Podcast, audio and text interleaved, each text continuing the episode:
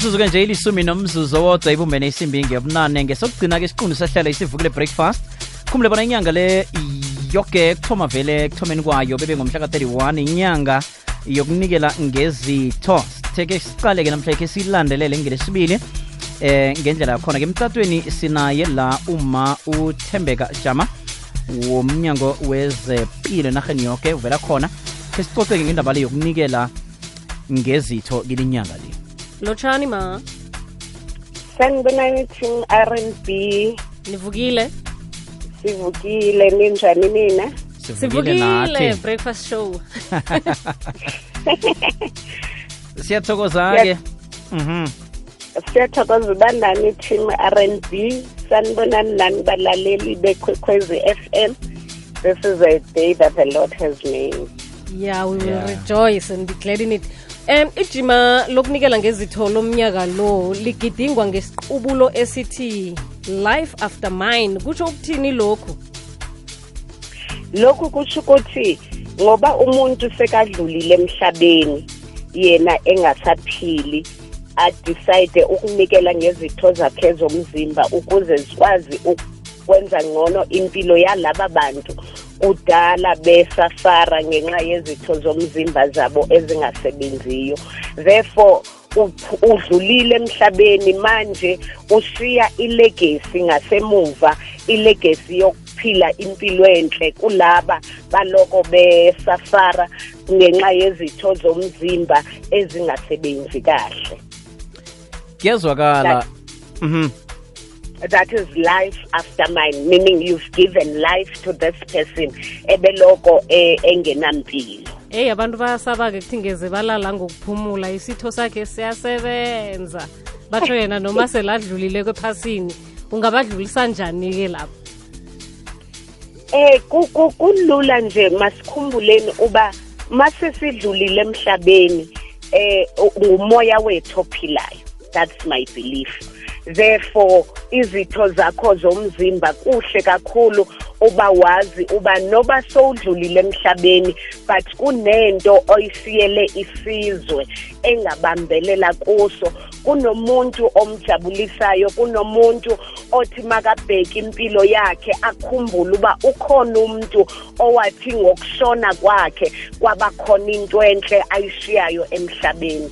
So ndingagqugquzela kakhulu singumphakathi ukuthi masicingeni indaba ye-organ donation ngoba laba bantu bagulayo bazidingayo lezi zitho zomzimba ngabantu bethu i-community yethu ngabomama bethu ngabosisi bethu abadinga impilo enhle impilo ende mase sidlulile thina emhlabeni. Iyezwakala khe siqale khulukhulu-ke ngiziphi izitho evane nibona ukuthi lezi-ke ayi kaningi vele ngizo mhlambe-ke ezihlayelako engathi-ke mhlawumbe abantu banganikela ngazo? Eh singanikela masenze umzekelo kukho izitho ongakhona ukuzinikela mawusaphila unganikela ngekidney yakho ngoba zimbini kidneys esinazo. Kutsho ukuthi izinso unikele ngeyi-one wena uphile kahle ngeyi-one. Unganikela ngepiece yeliver. Iliver okanye isibindi sine-segments okanye amaqatha amabili. So unganikela ngeqatha eliyi-one usaphila usale ngelinye. Leli liseleyo kuwe emzimbeni nalo liyaphinda likhule.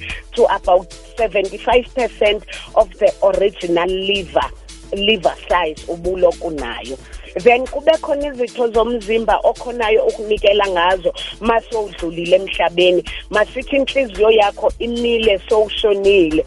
Ungakhona ukunikela ngezinto ezifana ne namehlo okanye le ndawo siyibiza icornea leyokubona la emehlweni. Ungakhona ukunikela ngamathambo ungakhona ukunikela nangeskin. Kuncedakala kakhulu kwiskin abantu ababethu bathileyo then eh maso usesibhedlele. Masithi odokotela bathi u-brain dead. Kutsho ukuthi ingqondo yakho ifile ukwistate sokuba umzimba wonke awukhoni ukusebenza ngoba umzimba ulawulwa ingqondo.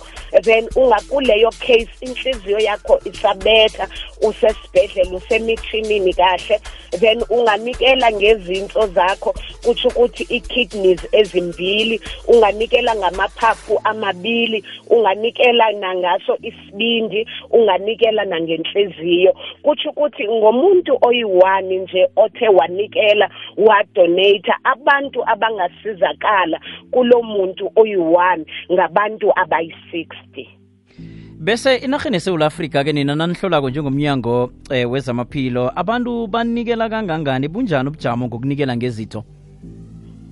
Oh siyakhala kakhulu. Mandenza umzekelo abantu asebe abarejisteleyo ne-organ donor foundation ngabantu it's about 0.4 percent abantu abarejistileyo la eSouth Africa.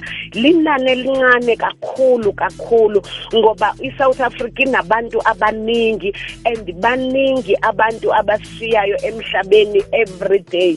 But inani nje labantu abadonatayo lincane kakhulu. Siyagqugquzelela umphakathi mawusincede kakhulu ngoba isizwe sethu siyabulaleka siyafa besingakwazi ukusizakala ngokuthi impilo yakhe iphinde umuntu ibuyele esimeni esilungileyo. Nje ngokuphana ngesitho somzimba wakho masowudlulile emhlabeni. Cabanga ukuthi omunye sekakuzwile manje sekanetshisakalo yokuthi yazini eh ithi nginikele ngikwazi ukuchiyela umunye umuntu eh ipilo ngemva kweyami esele idlulile ephasini. Bangenzani ke nabafuna ukunikela? Oh kungaba kuhle kakhulu singayijabulela lokho. Then sinayo i-organ donor foundation. Kunayo i-website la esingakhona ukungena kuyo. Ungathi www.odf.org.za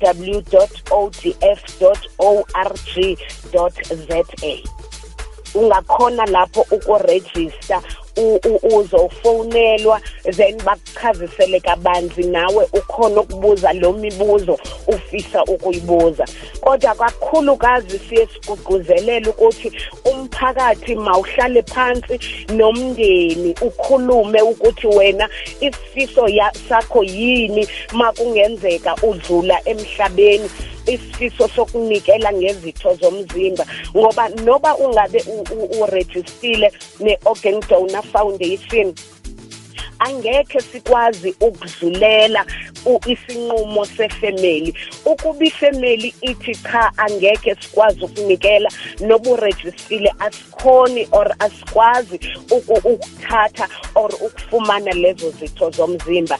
Sigqugquzelela kakhulu uba tshela umzali tshela umntwana wakho tshela labo malume bonke labantu waziyo uba kwi-families bathatha izinqumo ngempilo ze-families batshele. No iyezwakala eh mhlambe ngofeaturesana ke amahlelo enawo mhlambe ukukhuthaza abantu ngoba ngenze ukuthi isikhathi abantu mhlambe bangazi abanye nokusaba. Kilinyanga le mhlambe akhona amahlelo enawo eh wokuthi mhlambe nikhuthaze begodwe nazisa abantu? Yebo siyabulela kakhulu kwi-team R&B luhlobo lokuqala esenza ngalo siye sayivizithele i-radio stations la siba ne-radio interviews. Then siyakwazi ukwenza futhi i-awarenesses like esibhedlele sibeke lapho izitendi zethu sifundise community ngokunikela siya nasezikolweni sigqugquzelele abantwana nge-organ donation bese bancane noma badlulisele leyo information kubazali babo nasekhaya. Siba nazo khona i-community eh, projects nakhona. La umzekelo if umuntu ukhona une community gathering siyakhona ukuya lapho sikhone ukucacisela umphakathi nge-organ donation. Kakhulu size sinazo ne-volunteers ze-organ donor foundation eziye zikwazi ukudlulisela i-information kumphakathi wonke. Size sinazo ne-transplant games. Nabo bayahamba baya kwindawo ezahlukeneyo like i-community gatherings ezibhedlele khona ezikolweni. Bakhona ukugqugquzelela abantu uba banikele. Laba bantu bakwi-transplant games bona ngabantu esebeke bathola izitho zomzimba. Then abantu bayakhona ukubona ukuba nyani lento ye-organ donation yaphila. Zizwe programs esinazo uzokele mama sithokozile ngitsho. Siyabulela kakhulu ma. Kwamambala besikhuluma laphana yoma uthembe kajama uvela emnyangweni wezepilo esewula afrika. Sikhuluma nge-organ donor